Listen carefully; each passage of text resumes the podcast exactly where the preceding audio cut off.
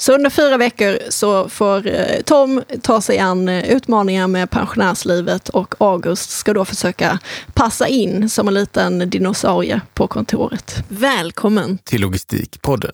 Om logistik, transport och supply chain management. Lo lo lo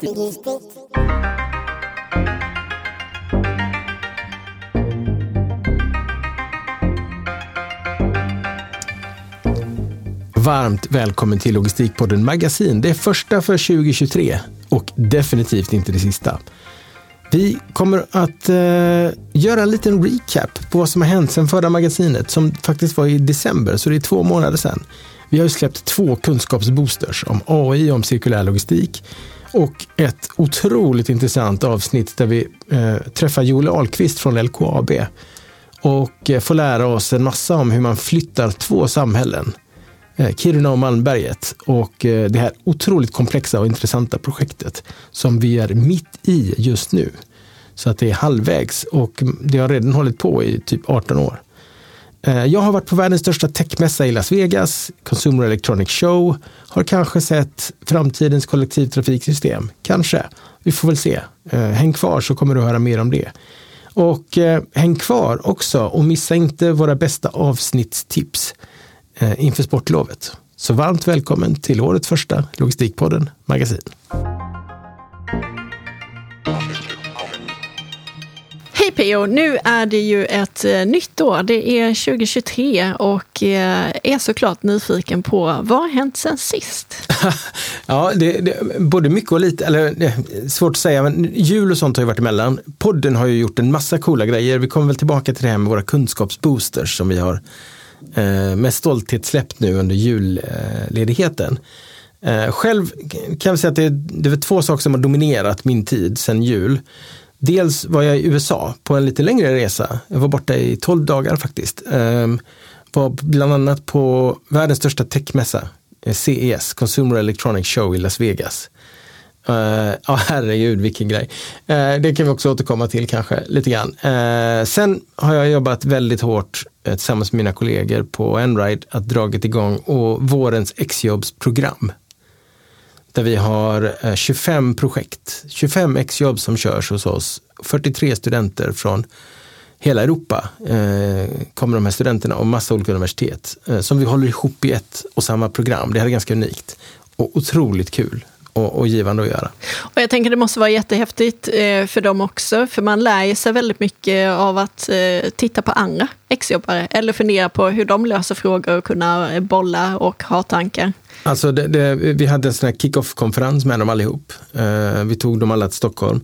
Och där fick de presentera sig själva och sina idéer och de började ju handleda varandra direkt när vi satt där.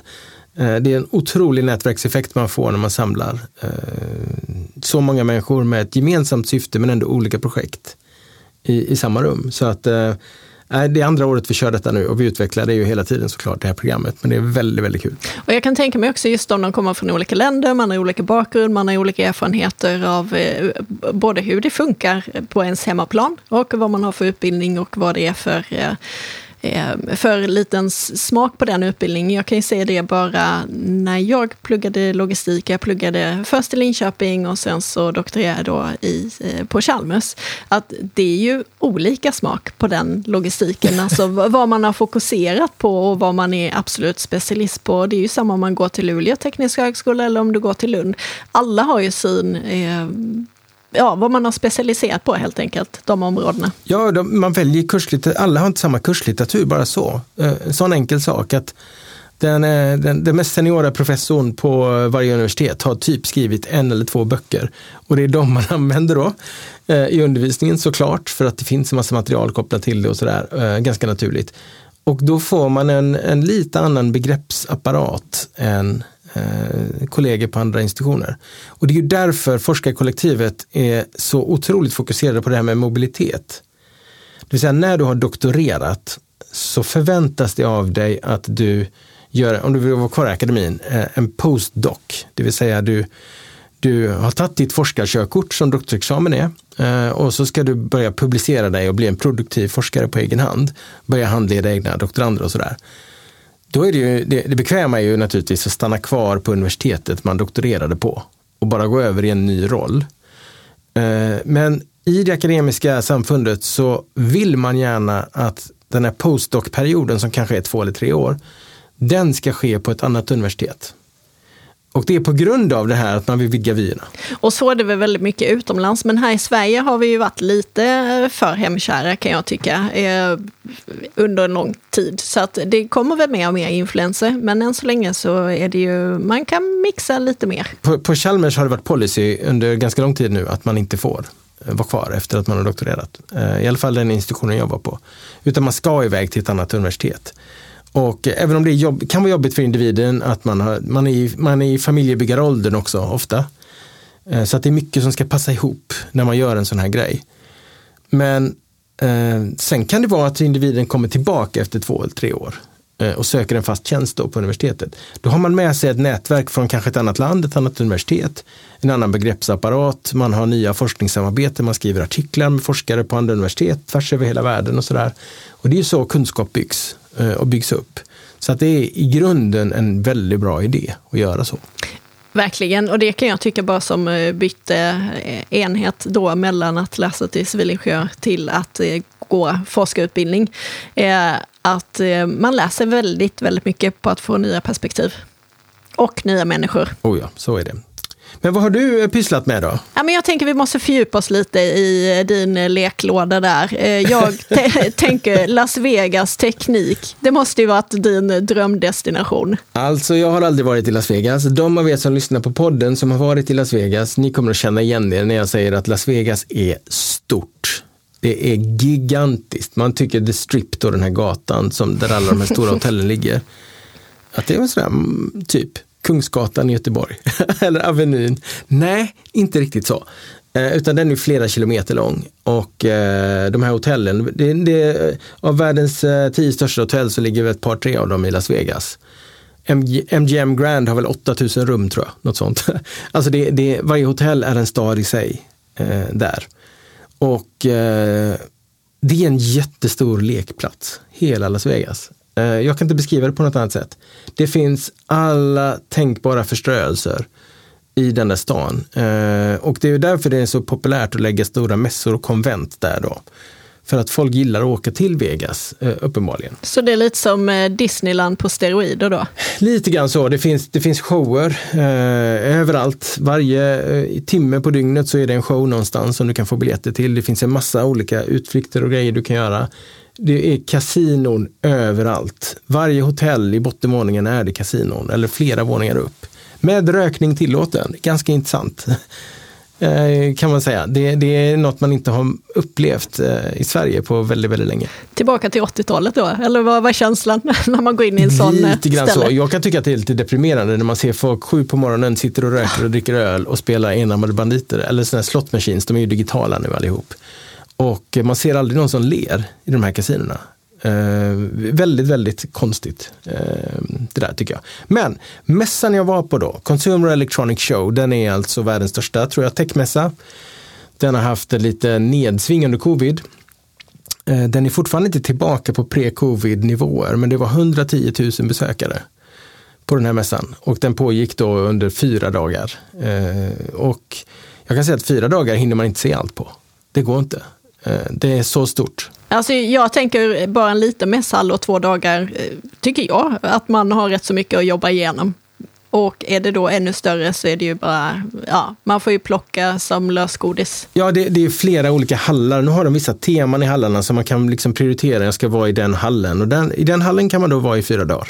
Och liksom, framförallt om man har många möten då med typ leverantörer eller presumtiva leverantörer eller kunder eller sådär, eller kontakter då försvinner väldigt, väldigt mycket av tiden. Eh, men sen kan det vara att man har ett möte då i en annan hall. Och då tänker man Svenska mässan eller Kistamässan, att då traskar man över till hall B. Så tar man mötet där. Men i det här fallet så är hallen kanske på andra sidan stan. Och det är en Uber på typ 38 minuter att ta sig dit. Så att det, det, det, de stora avstånden gör ju att just transfer blir en, en ganska viktig fråga. Vad, vad är, om du skulle säga några huvudpunkter som du tog med dig därifrån? Något som överraskade eller som bara ja, tog med hem? Det skrivits mycket om den och mycket finns redan, redan beskrivet i, i sådana här besöksreportage. Eh, Men eh, väldigt, väldigt mycket handlar om fordon. Alltså den håller på att bli en automotive show. Det har det inte alltid varit. Det har ju varit där man har visat upp den senaste, typ grafikkortet och sådana här saker. Och visst, det var en hel del sånt. Det var en hel hall full med typ smarta hem och sådana grejer. Eh, Google hade ett helt eget hus där de visade saker. Liksom, sådär. Men eh, fordon eh, och framförallt autonoma fordon och olika typer av stödjande teknologier till det där. Eh, det var väldigt, väldigt mycket. Det var många företag som sålde LiDARs till exempel, alltså eh, eh, laserbaserad avståndsmätning. Eh, så, så, att eh, eh, baserat på vad jag pratade med andra och mina kollegor som har varit där flera gånger är att det, det här är något som har ökat med tiden och det ökar hela tiden. Så att det kommer att bli mer och mer automotive fordonstillverkare kommer att lägga lanseringar där och så vidare. Eh, just, just på grund av att det är så många som kommer dit från den branschen. Men sen testade jag en grej som var lite, man kan tycka lite onödig där, eh, men tittar man på det skalbar, skalbarheten i det eh, och framtidsutsikterna så är det ganska coolt. På mässområdet har de något som heter The Las Vegas Loop. Har du hört talas om den? Eh, ja, men jag vet inte så mycket mer än namnet. Las Vegas Loop är en tunnel som förbinder en av hallarna med eh, ytterligare en av hallarna. Och den här tunneln är byggd av Elon Musks företag The Boring Company. The Boring Company var ett företag som han grundade för att han ville på ett kostnadseffektivt sätt bygga, borra och bygga tunnlar under stadskärnor eh, där bilar skulle kunna köra eh, autonomt i tunneln då. Eh, för att ta sig mellan, så man kan, man kan se det som ett tunnelbanesystem där man istället för tunnelbanevagnar har eh, självkörande fordon som bara tar några få passagerare. Och eh, i det här fallet så var det då Teslor, typ 30 Teslor som körde fram och tillbaka mellan de här två mässhallarna. Det var gratis. Eh, det här drar de igång bara när det är stora event då. Det är inte så varje dag där såklart. Det kostar ju massa pengar. Men eh, då hoppar man in i en Tesla och sen så körde, och då var det förare i för att det har nog med juridiska, eh, skulle något hända eh, och bilen kör själv så, så eh, blir det nog inte så kul. Det finns andra utmaningar där, kan man ju tycka, eh, i det området just nu. Eh, men, så det är en förare som kör då nu.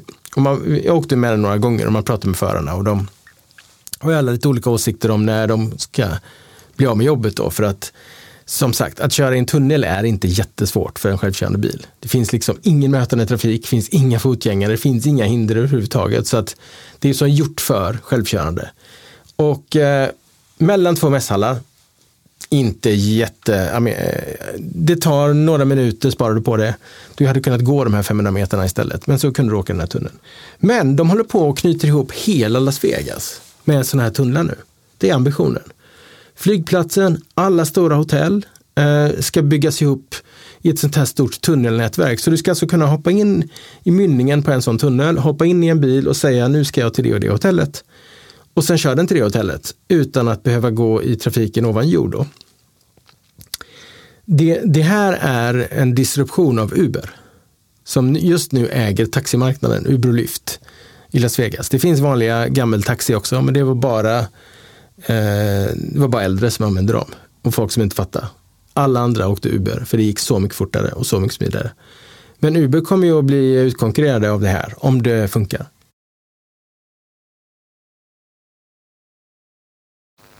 Jag eh, tänker ju direkt på, på sjukhus faktiskt, som jag har jobbat mycket med. Och då har man ju ofta transporttunnlar också under marken då, alltså det man kallar kulverter.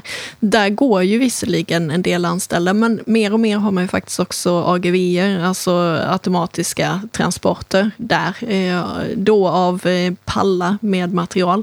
Men principen är ju väldigt lik egentligen.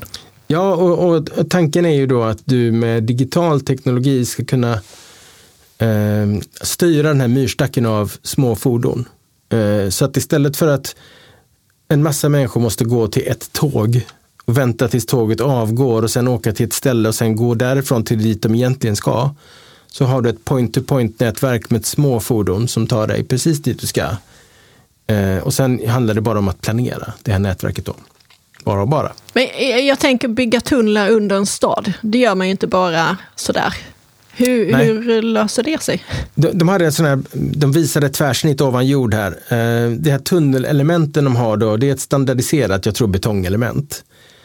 Som, som där du har då fem, sex stycken som utgör ett varv av den här tunneln. De ser likadana ut och de är liksom, de jackar i varandra som pusselbitar.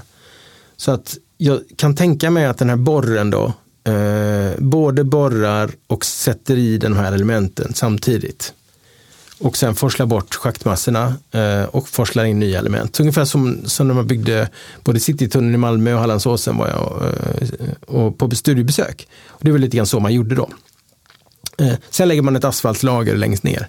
För att den är ju rund, den är helt rund den här. Eh, och sen har man sin tunnel. Intressant.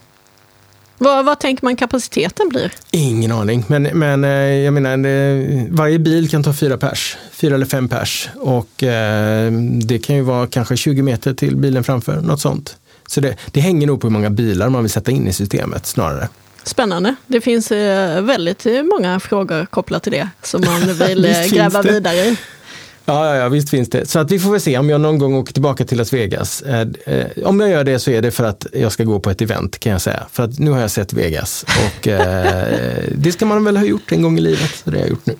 Ja, ja. härligt. Då kan vi bocka av det på bucket list yes. då. Ja. Men jag är jättenyfiken på, vi har, inte, vi, vi har alltså inte träffats sen vi spelade in förra magasinet, så jag är supernyfiken på vad du har pysslat med. Eh, hos mig har det nog varit lite mer introvert faktiskt. Det har varit eh, väldigt mycket skrivande i slutet på förra året. Eh, jag har lämnat in slutvarianten av mitt eh, manus. Eh, och för den som undrar då, hur går det till när man skriver en bok och vad finns det för olika hållpunkter? Eh, så kan man ju säga att det börjar med att man har eh, en idé. Det är en bra start.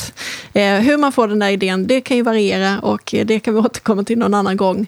Sen gäller det att skriva ett råmanus. Eh, och ofta så tröskar man ju runt med det där råmanuset ett antal gånger. Man skickar iväg det till eh, folk som läser och kommer med synpunkter och tänker att ja, men den där personen, borde inte han vara med om det där också? Eller jag förstår inte riktigt, hur kom de från A till B?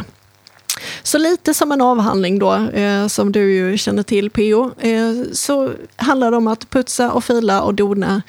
Eh, när det väl är klart och man har ett råmanus som man tänker att ah, men nu kan jag inte komma på fler saker som jag skulle vilja ändra med det här. Då handlar det om att eh, försöka hitta ett förlag. Eh, I mitt fall så skickade jag in det till en eh, manustävling helt enkelt och eh, hade tur att bli erbjuden ett bokkontrakt. När väl det är på plats, då, då ska man ju förhandla helt enkelt om ett kontrakt. Eh, och det är ju en liten djungel i sig om man inte har eh, hanterat det innan. Har, man något att komma med som debutant? Eh, inte särskilt mycket, men man kan alltid... Eh, dels vet man ju inte överhuvudtaget var marginalerna ligger och vad man ska tänka på. Eh, men det, som, eh, det finns en hel del saker ändå. Dels vad det är för typ av eh, förlag, vad satsar de stort på? Eh, till exempel ljudformat, e-format, eh, eh tryckt version. Eh, och så kan det ju vara marknadsföring till exempel. Och det kan också vara eh, rättigheter, hur, hur lång tid gäller. Det här, eh, man, man lånar ju ut sitt manus egentligen till ett förlag som har rätt till det en viss eh, stipulerad tid. Eh, så det finns en del man kan göra där eh, som man behöver eh, känna att man har lite koll på.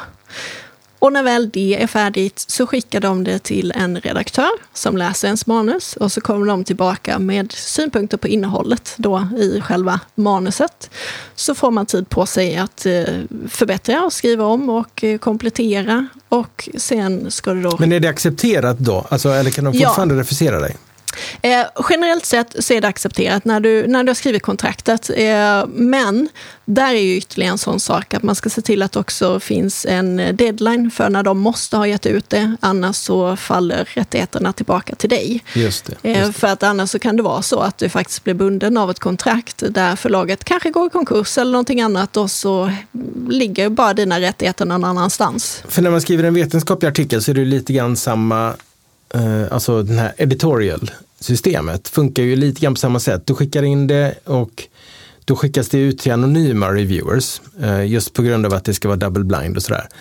Eh, och då kan du få flera sådana här runder där de skickar kommentarer och du ändrar och de skickar nya kommentarer och så ändrar du igen.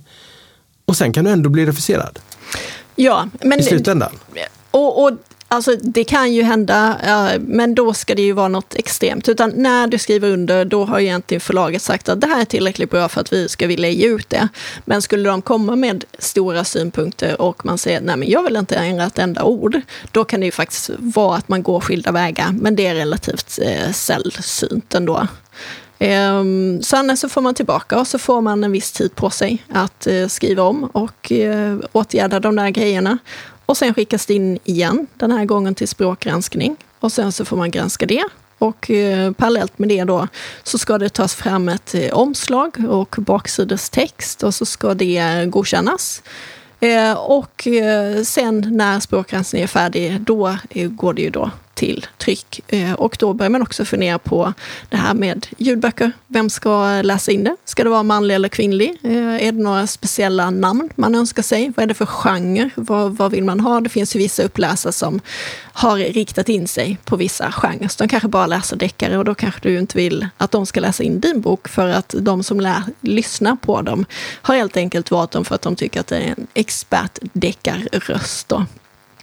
Så att det är en liten eh, kort version av eh, flödeskedjan för eh, en bok. Och då är jag ju supernyfiken nu på när kommer boken? Ja. För den är på gång nu då? Ja, och det är faktiskt inte satt än.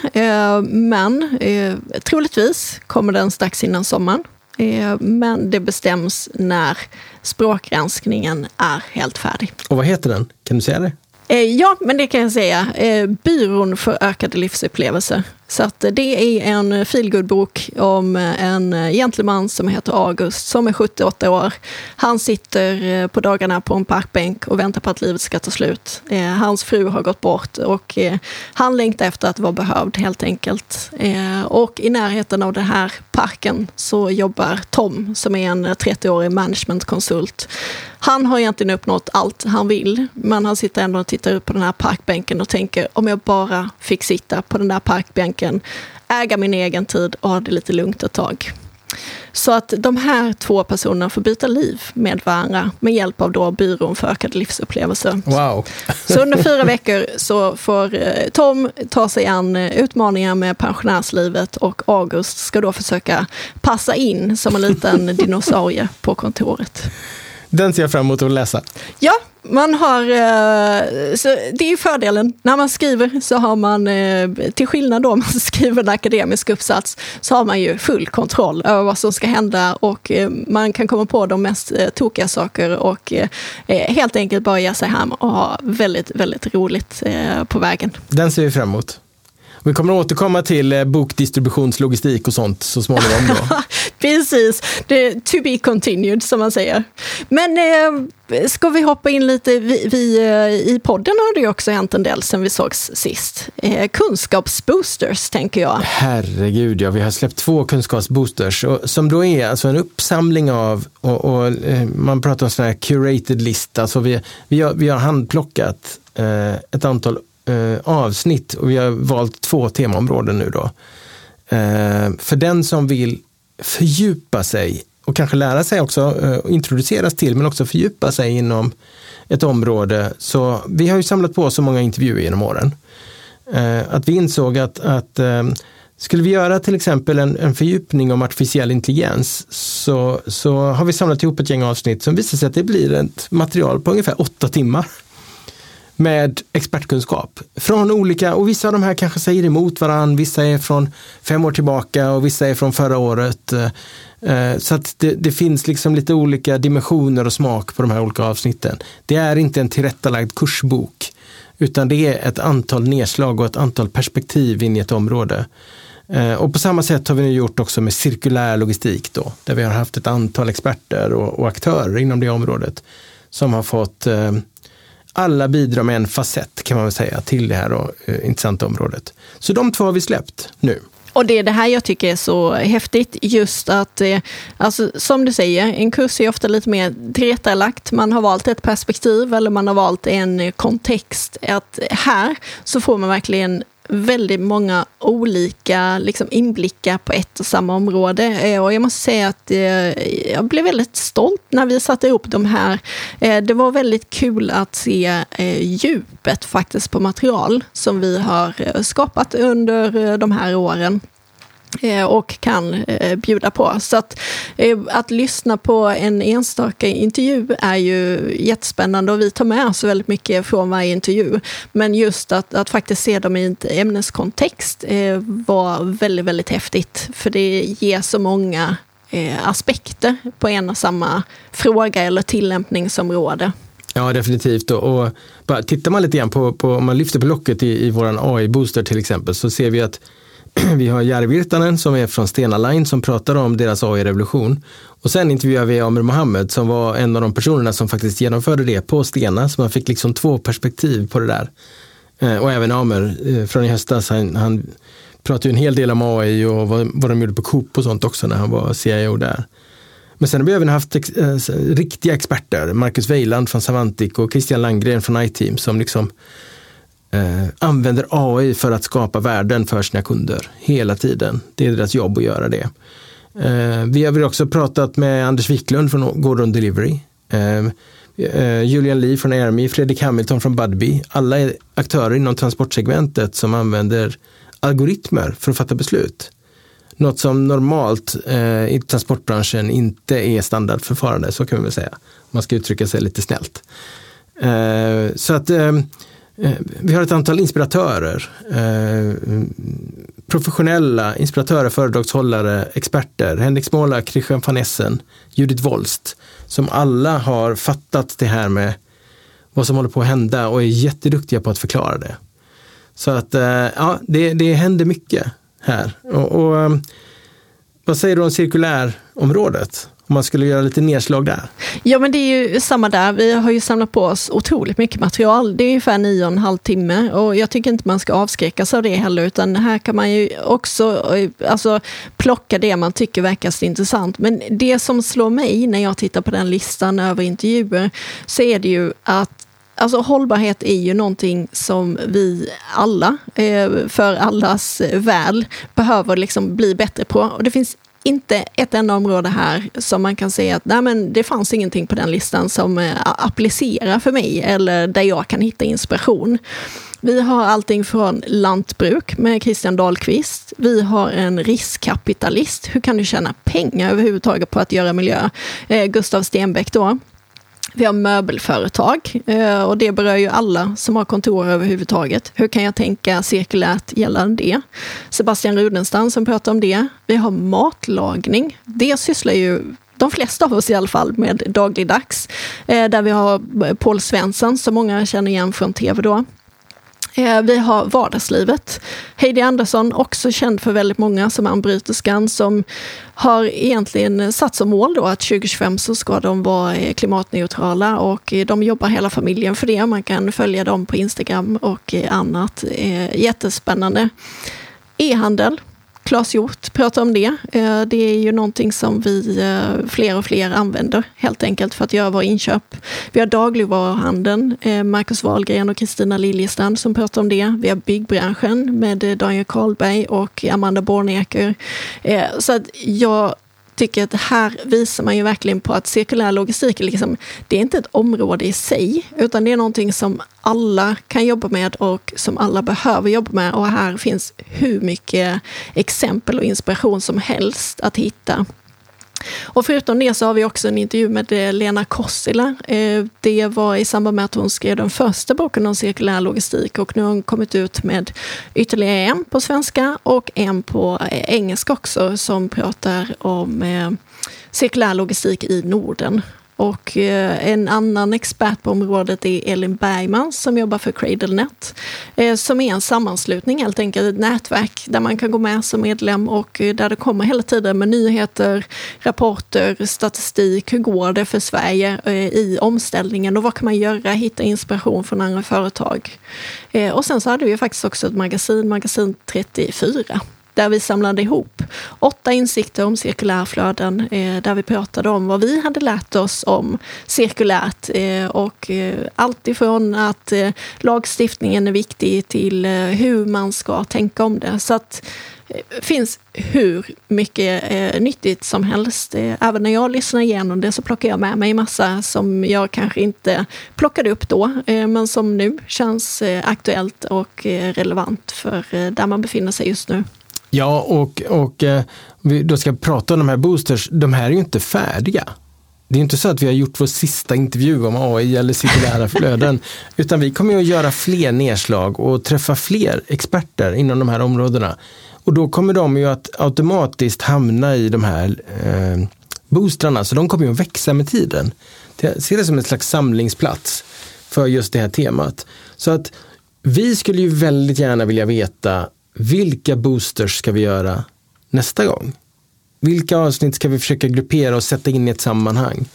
Eh, nästa gång, och det är väl kanske under våren eller sommaren, så, så kommer vi att släppa ytterligare någon eller några sådana här. För vi har ju ganska många avsnitt nu som kan grupperas på lite olika sätt. Så återkom gärna till oss med det. Precis, men eh, häng kvar också så kommer ni få en liten lista med avsnitt för eh, sportlovet då som kan vara extra bra eh, att lyssna på och få lite snökänsla.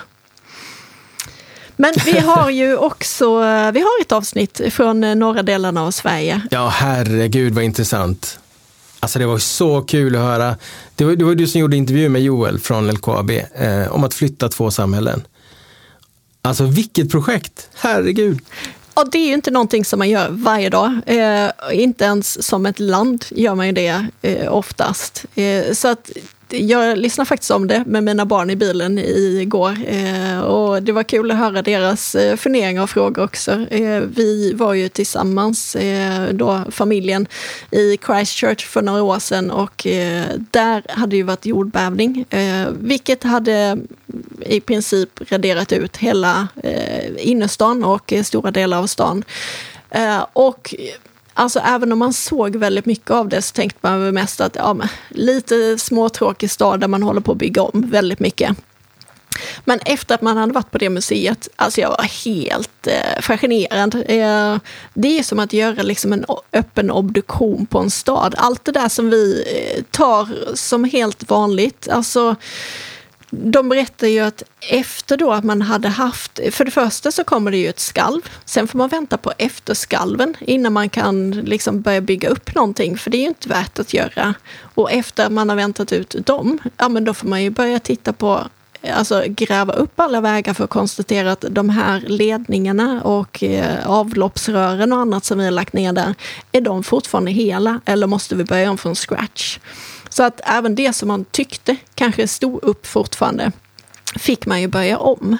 Eh, och sen så efter det så ska det komma ut någon och titta på ens mark och se om, ja men det här stället där du har ditt hus, är det någonting som vi tror kommer förstöras framöver? För i så fall eh, så får du lite pengar här så får du bygga ett hus någon annanstans helt enkelt. Så att, alltså det får så mycket följdeffekter och delar av det ser man ju här också när man ska flytta ett helt samhälle.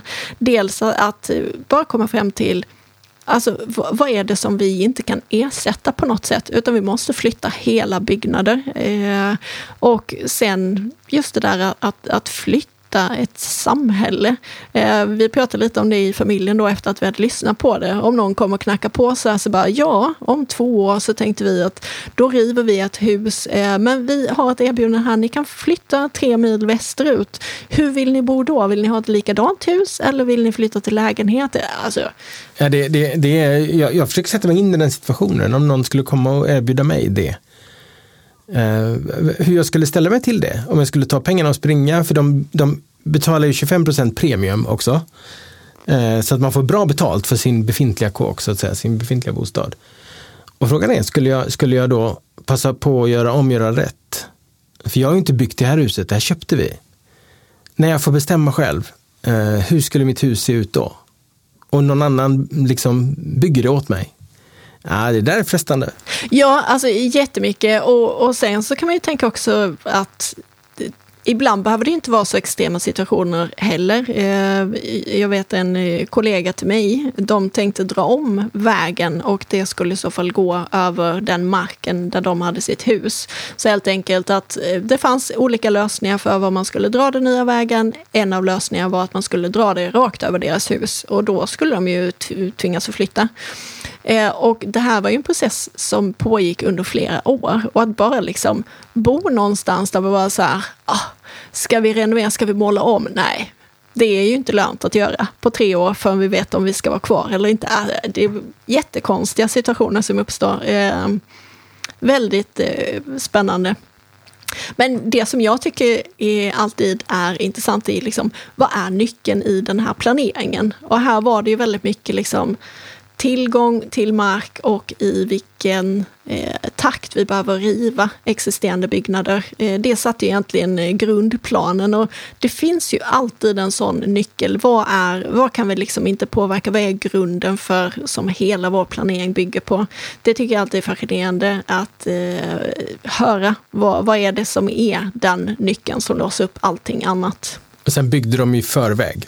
De såg till så att det hela tiden fanns någonstans att gå till innan man behövde lämna någonting som skulle rivas. Men det där tyckte jag också är jätteintressant då. Säg att du bor med fem grannar som du trivs jättebra med.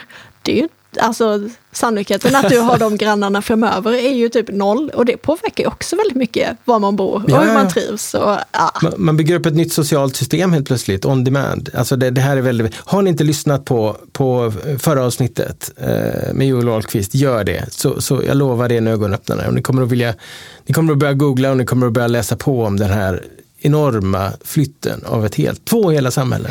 Och där man faktiskt ska säga att de är 18 år in i den här flytten. Så de har hållit på i 18 år och de ska vara färdiga 2035 tror jag det var. Eh, alltså mm. det är ju... De är halvvägs. Ja, jättefascinerande. ja, det är...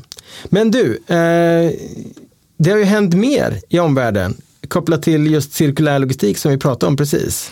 Ja, jag kunde inte annat än att eh, kika lite på en rapport som har kommit eh, som heter The Cir Circularity Gap Report 2023. Och den är framtagen av en organisation som heter Circle Economy tillsammans med Deloitte. Eh, och det som de rapporterar där är ju också alltså så här, astronomiska siffror som man inte riktigt vet var man ska ta vägen. Varje år så använder vi 100 miljarder ton råmaterial. Det är det som utvinns från jorden. Och av det här, så i dagsläget så eh, återanvänds bara 7,2 procent av materialet. Det vill säga att när man har använt det så går det tillbaka in i eh, produktionen igen. Eh, och tyvärr så har det faktiskt gått åt, åt fel håll. Eh, under pandemin så ökade det, men nu har det sjunkit igen. Och det man också kunde konstatera i den här rapporten var att en reduktion på 30 procent av den här 100 miljarderna ton råmaterial. Det skulle faktiskt reducera den globala uppvärmningen så att vi håller oss inom den här eh, två gradersgränsen och, eh, och kan återställa balansen då som vi behöver. Och för att uppnå det här så har man egentligen två absoluta nyckelområden. Det ena är övergången från fossilt bränsle till förnybar energi. Och det andra är att minska behovet av eh, alltså högvolymprodukter då, som man tar från eh, jorden och det är sand och grus som ju framförallt används i byggnation av hus och infrastruktur. Så att eh, väldigt, väldigt spännande tycker jag att, att se dimensionerna på det här. Eh, men också att det faktiskt går att hålla oss åt rätt håll. Eh, eller inom rätt ramar kan man väl säga. Men och då, då, blir man ju nyfiken på vad kan man göra då för att det ska gå åt rätt håll? Eh, och då tänker jag några tips är ju för att man ska komma till ett mer cirkulärt område är ju att tänka förändring, alltså tidigt i flödeskedjor. Det vill säga att när man sitter i designen, när man lägger upp affärsmodellen, det är då man behöver tänka på. Det är inte så att man först designar, gör en affärsmodell, säljer produkten och sen börjar fundera på hur kan jag återvinna den här? Utan den stora vinsten är att tänka tidigt då. Och sen så gäller det som allting annat som gäller utveckling, alltså mätbara och tidsbestämda mål eh, och fokusera liksom på, på ens huvudbusiness, för det är där man kan göra stor eh, skillnad. Och eh, jag tycker, eh, jag har hört ett råd som jag tyckte var så väldigt klokt, att ibland kan man ju bli frustrerad för att man kanske känner att men jag kan inte påverka så himla mycket på jobbet eller organisationen som man är involverad i. Men då sa de att det är en tvåstegsraket. Det ena är att eh, titta på vad kan du göra, sätta upp solceller, cykla mer kanske. Vad är helt inom din kontroll? Och det andra är, hur kan du bidra till att skapa system som gör att fler kan röra sig åt rätt håll? Och det tycker jag är rätt så skön uppdelning. Liksom. Mm. Jo, man, man, man kan bara börja med sig själv. Ja, liksom. för där har man ju faktiskt och där kontroll. Har man full kontroll. Där har man full kontroll. Det här tycker jag är jätteintressant och det här knyter in till min spaning som egentligen inte är en nyhetsspaning utan mer en tidens zeitgeist lite grann. Eh, det är väldigt turbulenta tider just nu. Vi ser räntor går upp, det ekonomiska läget är ju eh, minst sagt ostadigt. Vi har begränsad tillgång på vissa komponenter och råmaterial och insatsvaror och mat på grund av krig och annat eh, som händer just nu. Energitillgången är låg, vilket eh, gör att man får en volatil energimarknad. Det gäller att konservera kilowattimmar eller megajoule så mycket man kan och så vidare och så vidare. Jag såg faktiskt en, ja, skrämmande, tänker jag, reklaminslag häromdagen som var för ett spelföretag. Eh, där eh, det egentligen gick ut på att eh, håll dig varm i vinter genom att spela, för de hade ju en stor pott. Och det känns kanske som att sannolikheten att jag ska hålla mig varm genom att spela och vinna en stor vinst, den är rätt så liten. Tonträffen där var nog inte hundra, eh, känns det som, eh, i det budskapet. Eh, nej, för, för, om man ser allt det här kombinerat gör ju att, att eh, investerare blir mer försiktiga. Det, det, eh, det ställs högre och högre krav på avkastning och så vidare.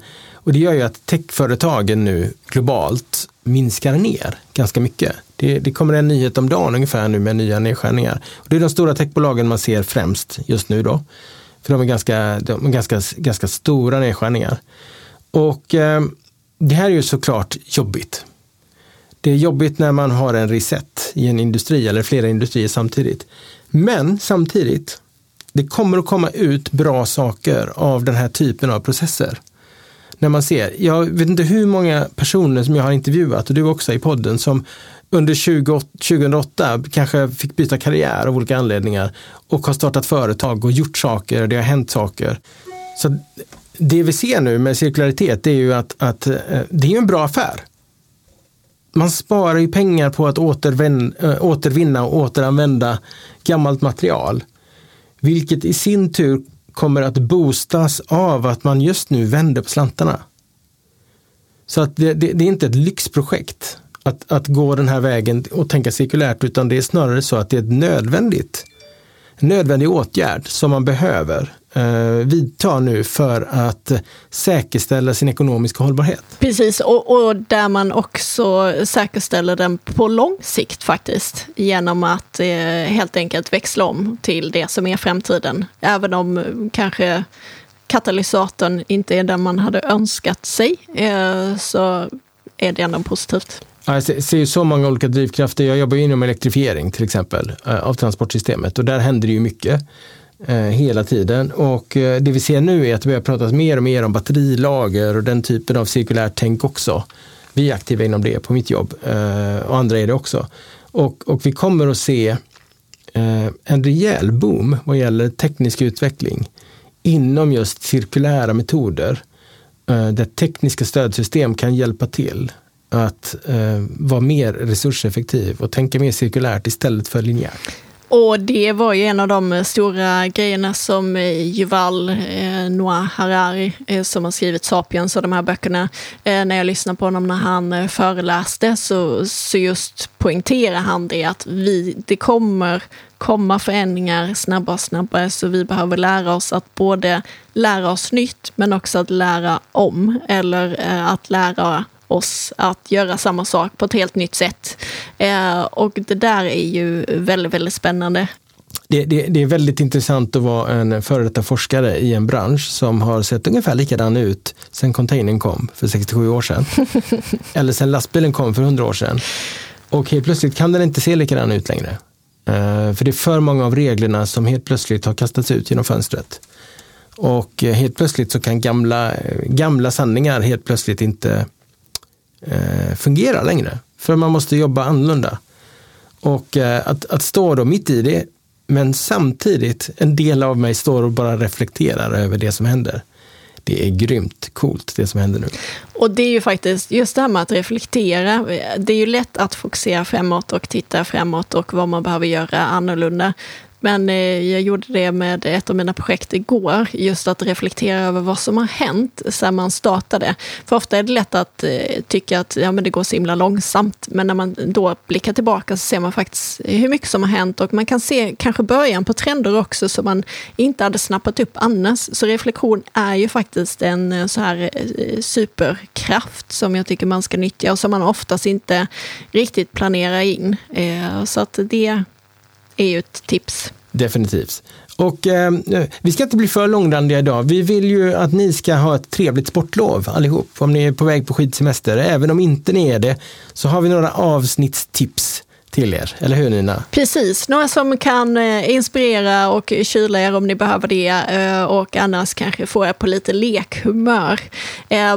Tre avsnitt som eh, passar fint till sportlovet är ju eh, ett avsnitt som vi hade bakom kulisserna, hette det då, eh, på Skistar, där vi pratar om eh, hur man eh, producerar snö bland annat eh, och hur man sköter en hel skidanläggning och eh, hur man kan göra det mer hållbart med mera. Och det är en intervju med Per Granås som vi hade där.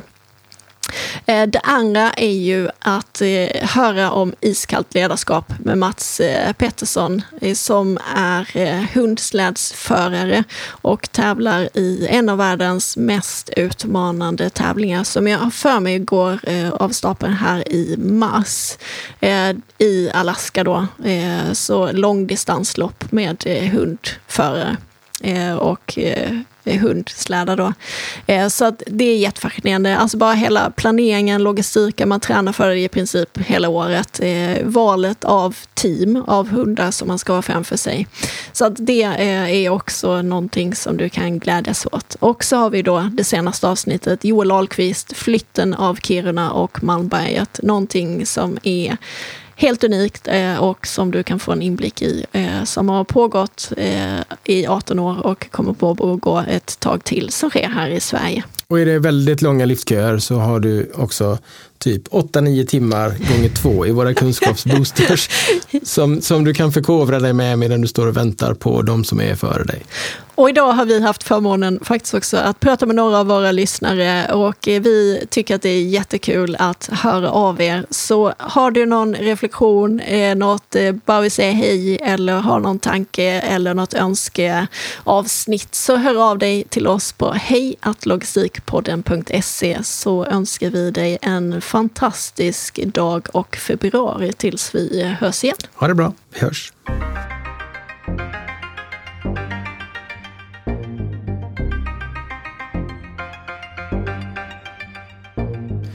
Varmt tack för att du har valt att lyssna på Logistikpodden. Vad tyckte du om det här avsnittet?